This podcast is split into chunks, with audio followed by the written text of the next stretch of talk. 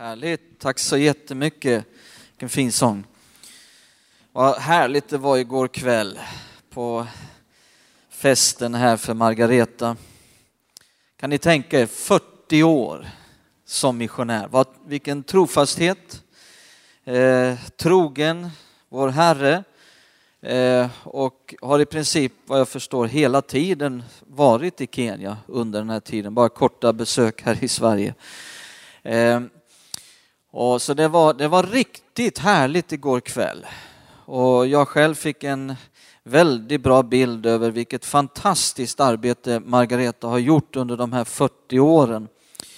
Eh, och, och, Kenya har alltid varit lite speciellt också i mitt hjärta. Kenya fastnade i mitt hjärta för eh, tio år sedan ungefär när jag var i Kenya och höll en pastorskonferens en vecka där med 700 pastorer.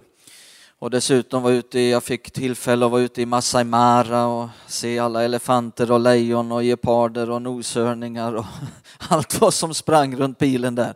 Så det är ett fantastiskt land. Och det var mycket som grep mitt hjärta och, och sen dess så, om det är OS, ja då hejar jag alltid lite extra på kenyanerna när de springer. Och hoppas de ska springa förbi dem från Etiopien och, och så vidare. Så eh, det har ett, en speciell plats i mitt hjärta också. Eh, så ja, känns speciellt. Tack så mycket för det du har delat idag Margareta. Det har varit underbart att få lära känna dig. Och, och jag har fått eh, jag har känt på mitt hjärta också. Jag, jag, förstår ju att något som är väldigt viktigt tror jag det du ger själv uttryck för att du kommer få lite återfall här och vill jag åka tillbaka till Kenya. Och jag har tänkt på det lite grann här att vi har ju varit med och backat upp här som eh, församling.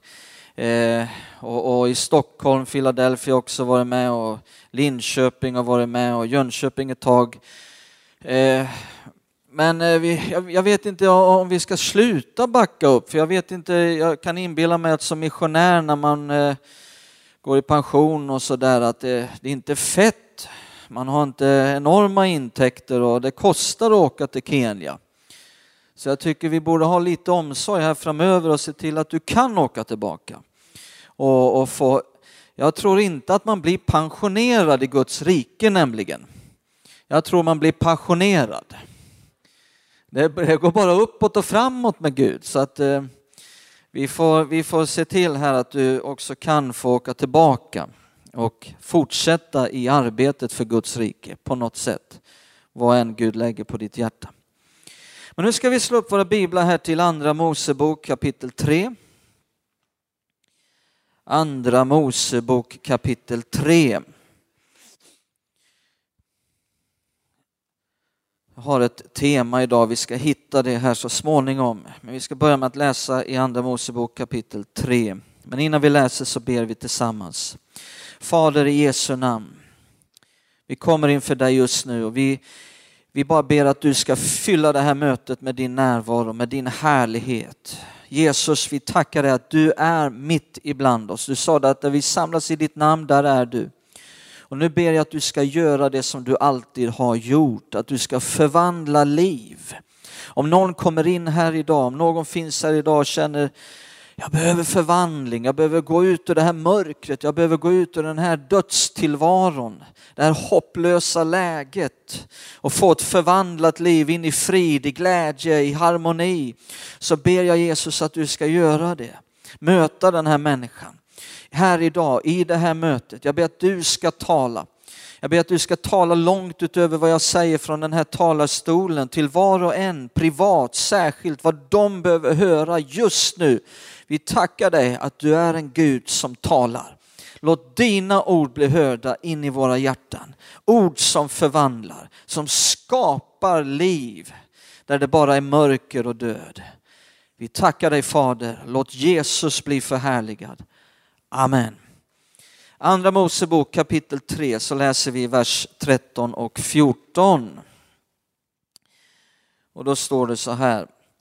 Då sa Mose till Gud, när jag kommer till Israels barn och säger till dem, era fäders Gud har sänt mig till er och de frågar mig, vad är hans namn? Vad ska jag då svara dem? Gud sa till Mose, Jag är den jag är. Och han sa vidare, så ska du säga till Israels barn, jag är, har sänt mig till er. Så här uppenbarar sig Gud för Mose och ger honom den här enorma kallelsen att leda Israels folk ut ur Egypten genom Röda havet. Det här enorma uppdraget. Men Gud känner, eller Mose känner inte Gud. Så Mose han frågar helt enkelt, vem ska jag säga har sänt mig när jag kommer till Israels folk? Med andra ord, vem är du? Och Gud säger, ja Mose, det tar för lång tid att förklara vem jag är. Vi har inte tid att gå in på det nu här, vem jag är. Jag är den jag är. Och så sa Gud, det blir ett bra namn. Säg jag är har sänt dig. Och så har vi gudsnamnet här, på hebreiska så står det ju Jehova eller Jave, beroende på hur man vill vilka vokaler man vill peta in där. Eh, eh, så, så det blir ett bra namn. Och, och, och sen från den här tidpunkten, ner genom historien, ner genom generationerna, så börjar Gud uppenbara sig för Mose, för de kommande generationerna, så uppenbarar han mer och mer vem han är. Och vid varje sånt här uppenbarelsetillfälle nästan eh, så dyker det här namnet Jave upp. Jag är medicinmannen vid ett tillfälle. Jag är Herren, er läkare, står det. Jag är Herren, er försörjare och så vidare. Så uppenbarar Gud olika sidor hos sig själv. Och vid ett sånt här tillfälle, eh, långt ner, hundratals år senare, så uppenbarar sig Gud för en som hette Gideon och ger honom ett uppdrag på samma sätt, att rädda israeliterna. Eh, och vi ska se eh, vad som händer då här i Domarboken kapitel 6. Domarboken kapitel 6. Och så står det så här i den 24 versen.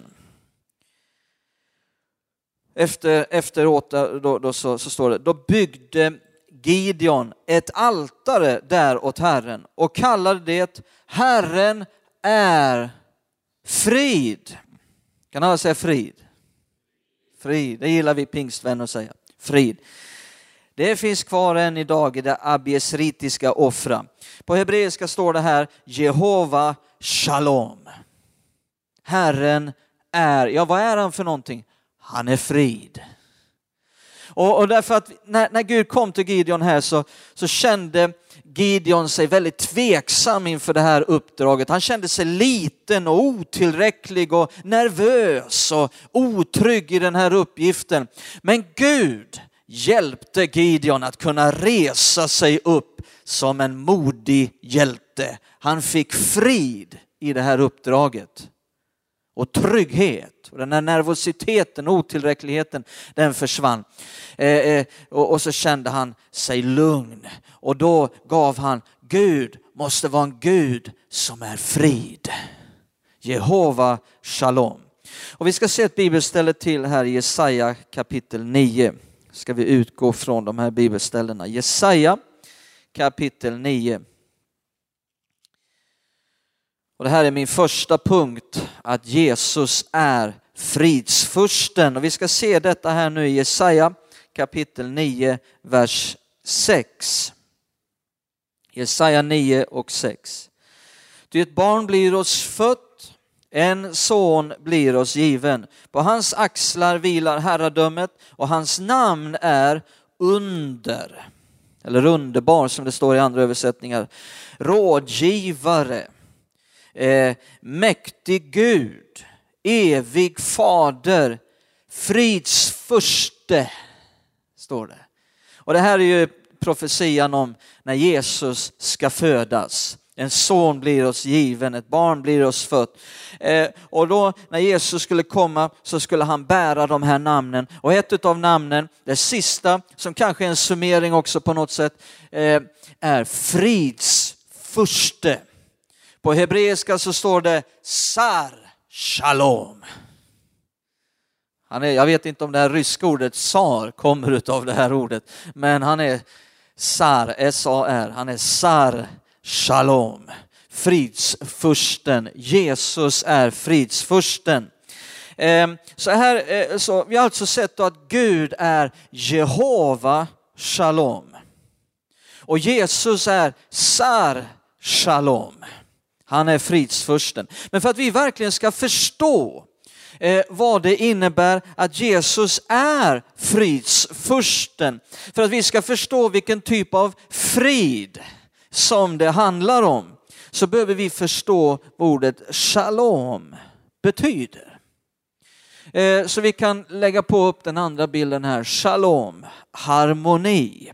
Vi behöver studera det här ordet shalom, för Jesus är shaloms furste. Gud är Jehova shalom. Vad betyder detta? Ja, det handlar om att han är fridsfurst, det handlar om att Gud är frid. Men det handlar om en frid eh, som eh, är långt mycket mer än bara sinnesfrid. För när vi tänker frid så kanske vi tänker på tankarna och vårt sinne och så vidare. Det handlar om någonting som är mycket mer än sinnesfrid. Det handlar mycket mer än, än bara om avsaknaden av bekymmer och depression. Eh, själva grundbetydelsen, om man nu ska försöka översätta det här ordet shalom på hebreiska, man översätter det, så själva grundbetydelsen är helhet. Kan alla säga helhet? Helhet eller helt. I motsats till det trasiga, i motsats till att någonting saknas, i motsats till att det finns brist. Nej, det är helt. Det är helhet. Eh, och, och, därför när ordet shalom till exempel eh, används i relation till kroppen så betyder shalom fysisk hälsa. Det finns med i shalom-begreppet för en israelit, för en som talar hebreiska, för en jude. Eh, och därför så innefattar shalom-begreppet även välstånd. Inget fattas. Det innefattar välgång, framgång, lycka i individuell, social och även i nationell mening. Bibeln säger att vi ska önska Jerusalem, vadå? Frid, shalom, ja då är det allt det här som vi önskar. Eh, eh, Shalom-begreppet innefattar också sinnesfrid, trygghet, vila, ro. Det, det betyder också fred i motsats till krig. Eh, det handlar också om, om frid i relationer. Det betyder vänskap med andra ord, att vänskap blir upprättat. Det handlar om inre tillfredsställelse. Så shalom-begreppet, det är något som, som är helt, ändra inte för mycket på ljudet nu för det var helt perfekt här i början. Eh, eh, eh, shalom-begreppet är så, så omfattande. Det betyder så mycket, det är så mycket som ligger i det här och Jesus är Sar Shalom. Han är Sar Shalom och Gud är Jehova Shalom. Eh, nu, nu försöker vi översätta det här ordet shalom på svenska och vi använder ordet frid. Bibeln använder ordet frid. Men jag tror att det kanske finns ett bättre bättre svenskt ord för att eh, översätta shalom och det är ordet harmoni. Harmoni. Jesus är harmonins furste. Harmoni på livets alla områden. Det vill säga, när det finns sjukdom i kroppen, ja då har kroppen kommit i olag kan man säga. Eller det finns disharmoni i kroppen. Eller hur? Och Jesus, vad vill han göra som sär shalom? Jo, han vill etablera harmoni i din kropp. Han vill bota. Han vill orsaka harmoni, han vill orsaka shalom i kroppen. Eh, likadant eh, när det finns kiv, när det finns ovänskap mellan två människor, då är det disharmoni i relationer. Eller hur? Och Jesus vill orsaka harmoni i ditt sociala liv. Är inte det underbart? Jesus vill etablera harmoni på livets alla områden. Eh, när det inte finns den här inre tillfredsställelsen, Eh, eh, när det finns ofrid, när det finns depression, när det är bara fullt av bekymmer i ditt sinne och du är plågad av det här, då är det disharmoni i ditt sinne. Och du säger inte då, jag känner mig så harmonisk. Men Gud vill att du ska få känna harmoni i din själ, harmoni i ditt sinne. Halleluja! Han vill att du ska känna, jag är en sån harmonisk människa. Amen. Är inte det underbart?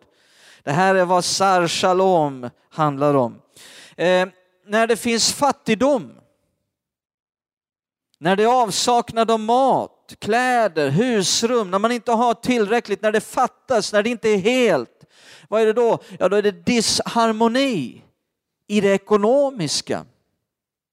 Men Jesus vill hjälpa dig så att du kan ha en harmonisk ekonomi.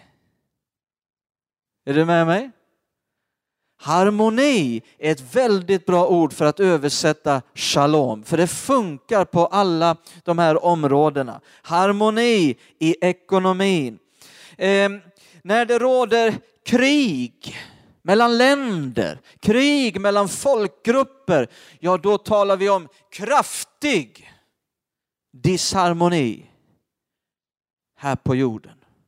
Och en dag min vän, kommer Jesus tillbaka och då säger Bibeln att han ska regera med vad då?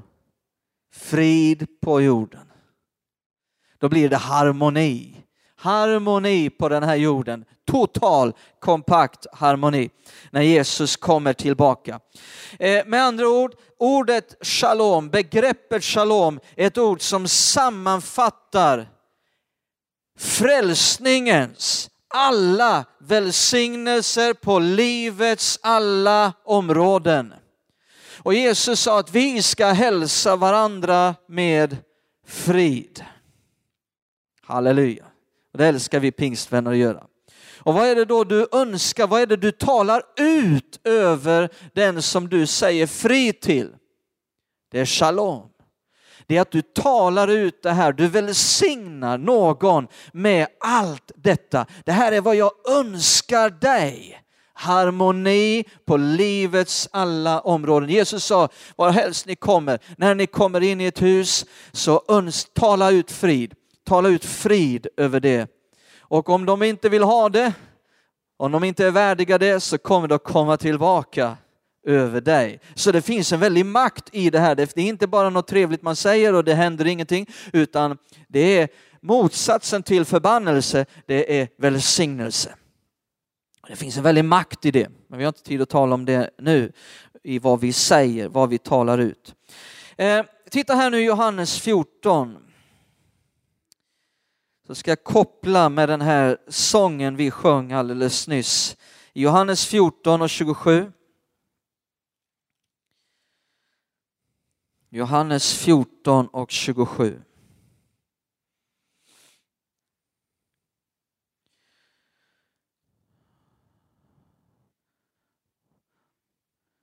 Då står det följande. Frid lämnar jag efter mig åt er. Min frid ger jag er. Min frid ger jag er. Det är nästan värt ett halleluja. Amen. Prisad vare Herren. Alltså förstår du vad det står här? Min, alltså Gud, Gud, Jesus ger inte vilken frid som helst. Han säger min, min frid ger jag er. Då är frågan, är Jesus fridfull? Eller sitter han nervöst och darrar med en valiumburk på tronen? undrar hur han ska få ihop det här och svettas. Det. Nej. Har han någon frid att ge? Det är den friden han ger till dig. Och så står det följande. Eh, inte ger jag en sådan frid som världen ger. Låt inte era hjärtan oroas och var inte modlösa. Eh, hade Jesus någon frid att ge? Jag snackar om att han hade frid att ge. Bara ta, eh, vi kommer ihåg när det var storm ute på sjön. Vågorna gick höga, det var mörker. Och vad står det? Jo, lärjungarna. De var oroliga, de var nervösa, de trodde att vår sista stund är kommen. Vi ska dö. Och Jesus, han verkar inte ens bry sig om att vi ska dö. Jesus var lugn som en filbunke. Han låg och sov i fören. Har han någon frid att ge? I mötet med demoniska makter så visade han alltid på en mästerlig kontroll. När de var våldsamma, de här demoniska makterna. I mötet med våldsamma människor. Den gången då de ville störta honom ut för stupet. Vad gjorde Jesus? Han bara gick rakt igenom folkhopen med en oövervinnerlig, orubblig frid. Som ingenting kunde störa. Eh, Jesus hade en oändlig frid på alla områden. Han sa min frid ger jag er. Den frid han själv har är den han vill etablera i ditt liv. Och vart han än gick omkring på jorden så etablerade han frid, shalom i blinde Bartimeus liv, i den spetälskes liv, i synderskans liv. Vem det än än var här som ville ta emot honom så etablerades frid. Han ingav frid, han etablerade frid, han är sar, shalom och han lever, han är uppstånden. Han vill möta dig idag och etablera den här friden. Halleluja. Och Jesus han sa, inte ger jag er en sådan frid som världen ger. Världen kan skylta kanske med en frid. Kom hit, du ska få frid.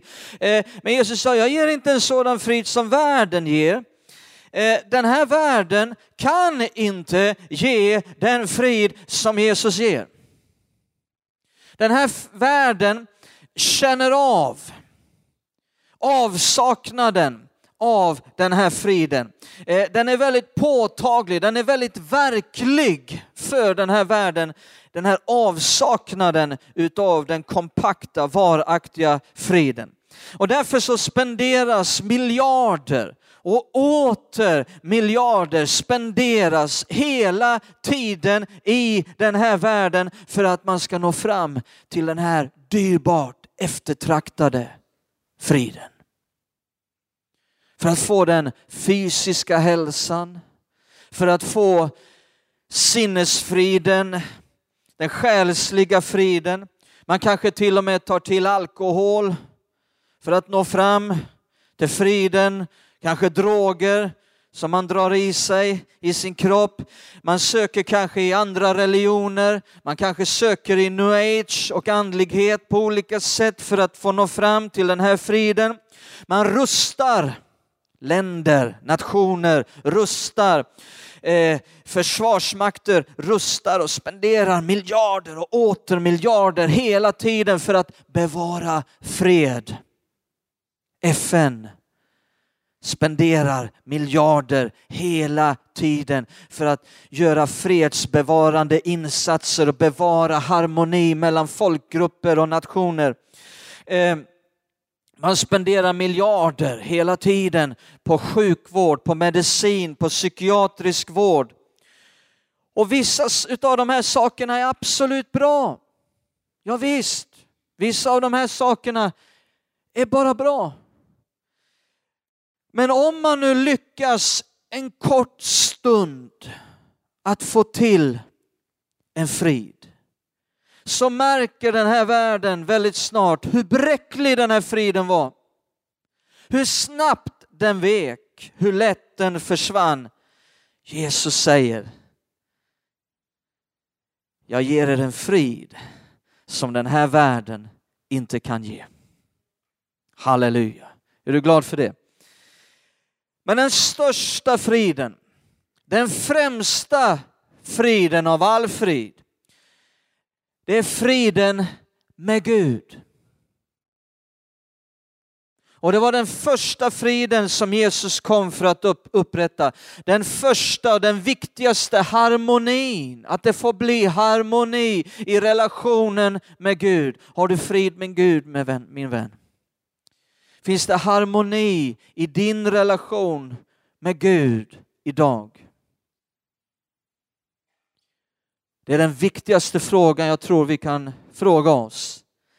Jesus kom för att upprätta den här friden som hade drabbat mänskligheten långt innan det, när det blev disharmoni, när det, när det hade brustit i relationen med Gud.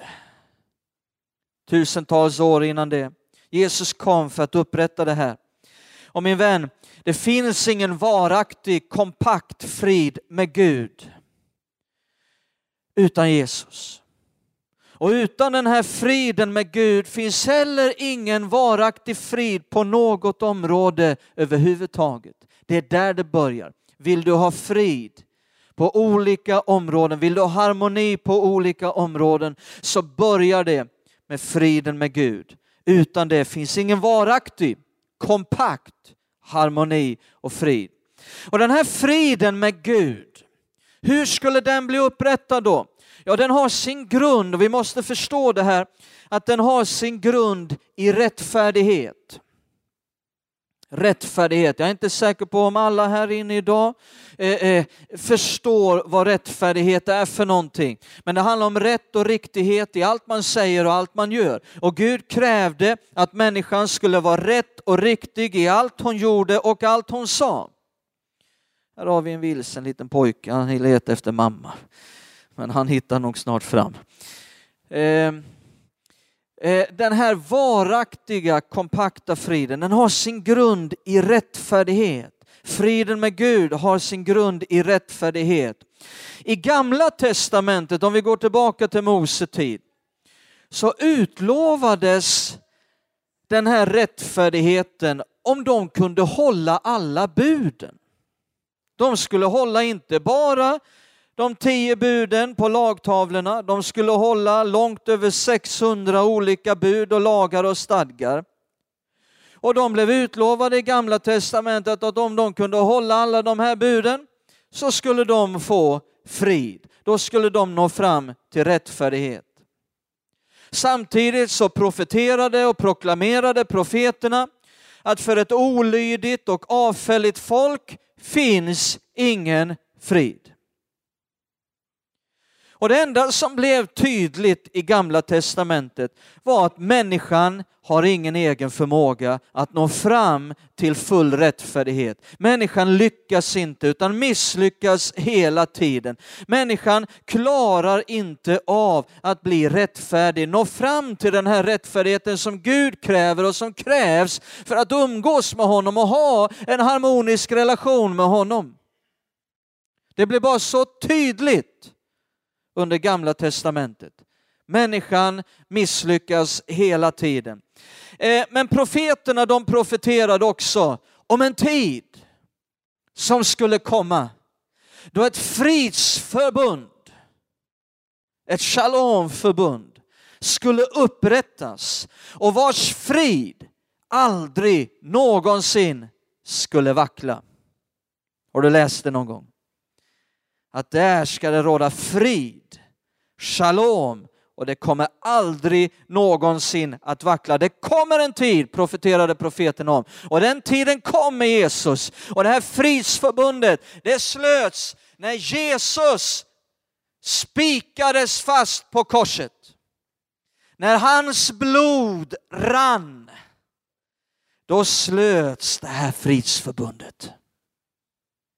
Och då säger Bibeln i Jesaja 53 att straffet blev lagt på honom för att vi skulle få, vad då? Frid. Shalom. Det vill säga han tog vårt straff på korset. Där tog han din skuld, min skuld, alla mina tabbar, alla dina tabbar, all vår orättfärdighet.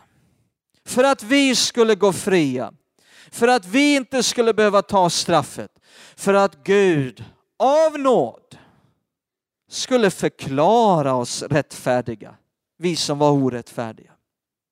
Att Gud bara lägger sin hand på din axel och säger jag förklarar dig rättfärdig. Ja, men du vet inte vad jag har gjort Gud. Jag kommer ihåg den här kvinnan efter en gudstjänst för en del år sedan som stod och grät. Hon hade knappt aldrig varit i en kyrka hela sitt liv. Men nu ville hon få bjuda in Gud i sitt liv. Hon ville få bli frälst. Hon var en bit över 50 år.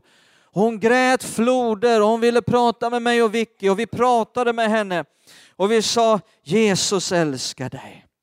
Du kan få bli Guds barn. Ja, jag vill det, men jag tror inte det kan gälla mig. Ni vet inte vad jag har gjort.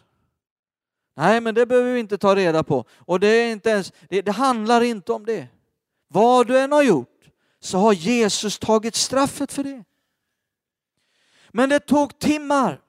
Vi var, i, i, vi var till slut inne i köket i kyrkan. För där fanns det gott om handdukar. För hon hade gråtit så mycket så näsduken var genomsur och alla servetter i kyrkan var genomblöta. Och nu behövde hon handdukar och det hade vi i köket och hon grät och hon tog den ena handduken efter den. Jag lovar er, hon grät floder.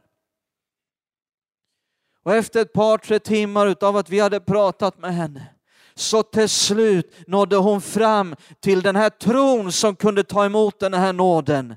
Jag får gå fri. Och så blev det frid. Hoho, när friden kom över hennes liv. Och Jesus etablerade frid i hennes liv. Halleluja. Och sen fick hon en underbar vandring med Gud efter det. Det började med korset. Det var där det skapades. Och därför kan du tro på honom.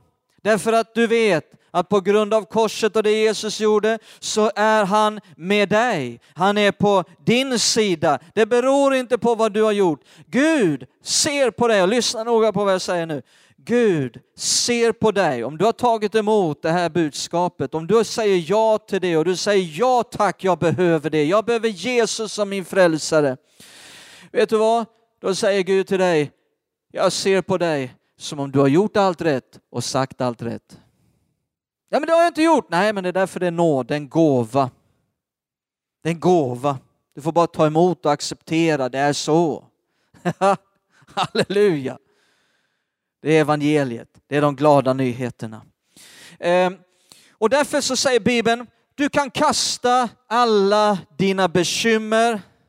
Hur många bekymmer? Alla bekymmer. På honom. För han har omsorg om dig. Och Bibeln säger att Guds frid, Guds shalom, Guds harmoni som övergår allt förstånd kommer att fylla ditt sinne. Underbart. Jesus är sar shalom. Och då blir det precis som 1918 när första världskriget var över. Och den här dagen kom när freden var sluten, från en dag till en annan så var kriget över. De goda nyheterna gick ut. Det blev fred, det blev frid. Kriget är slut. Över en natt så var kriget slut. Och så är det när man blir frälst. Att över en natt, plötsligt, en dag, där skedde det. Jag fick frid med Gud. Vi kallar det för att vi blir frälsta. Vi blir räddade. Vi möter Gud och vi börjar en vandring med honom. Och på en gång, som över en natt, så blir det frid med Gud. Det sker plötsligt, för vi tog emot gåvan av nåd. Men ni vet 1918, när första världskriget var över, så bara för att det blev fred över en natt, så betydde ju inte det att eh, livet blev helt normalt över en natt.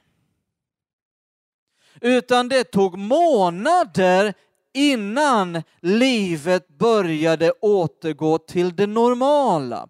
Därför att länder hade rustat så fruktansvärt för kriget. Man var så djupt inne i ett krigstillstånd så det tog månader innan alla trupperna hade dragits tillbaka, innan ett normalt vardagsliv hade infunnit sig. Och på samma sätt är det när man blir frälst. Att det blir frid med Gud över en natt, ja visst. Men sen kan det ta en tid. Därför att man kanske var så djupt inne i ett felaktigt tillstånd i en sån total disharmoni på så många områden så det tar tid innan Sar Shalom har börjat upprätta den här friden och harmonin på område efter område efter område. Men om du bara håller fast vid honom och håller din blick till 100% på honom och håller ditt hjärta fokuserat på honom och vandrar med Jehova Shalom så kommer ingenting annat att hända. Ingenting annat kan hända än att du får harmoni på område efter område efter område till dess att det är total harmoni, shalom på livets alla områden där inget fattas, där allt är helt och allt är helhet och ingen brist finns. Och jag är glad jag kom hit idag för jag predikar mig själv glad där.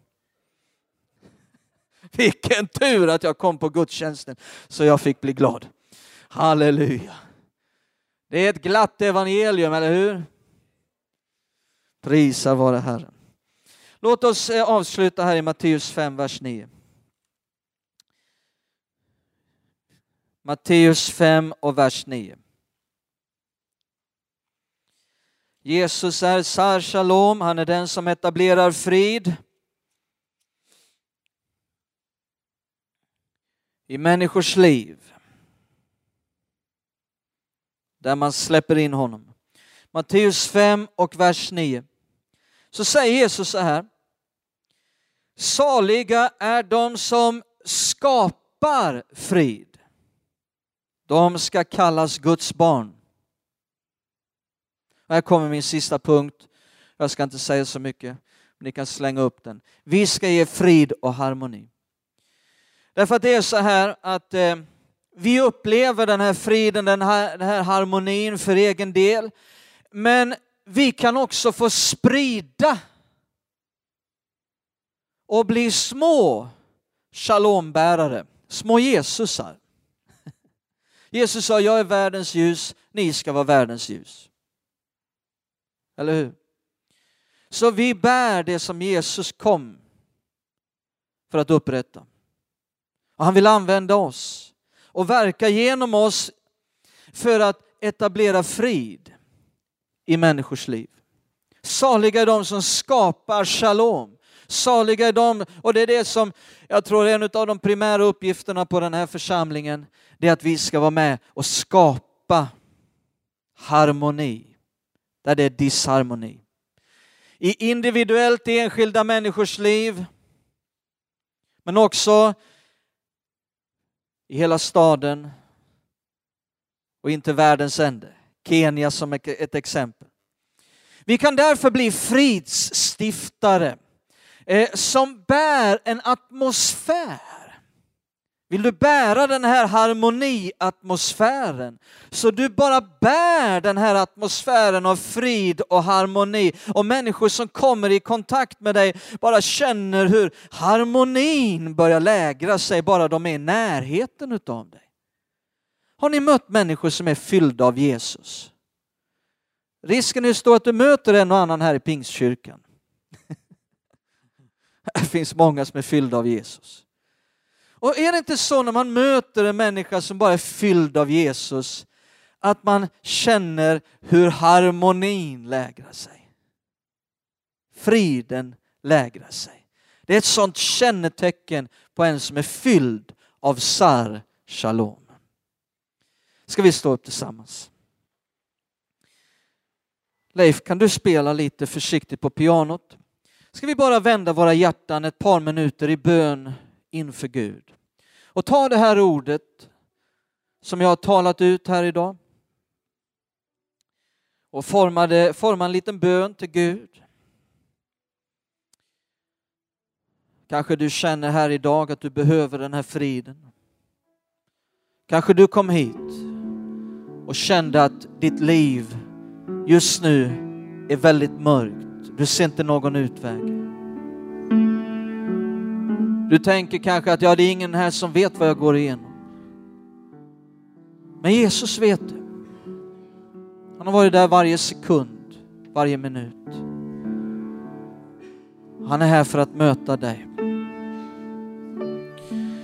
Jag skulle vilja ställa en fråga medan vi är i bön, i en attityd av bön.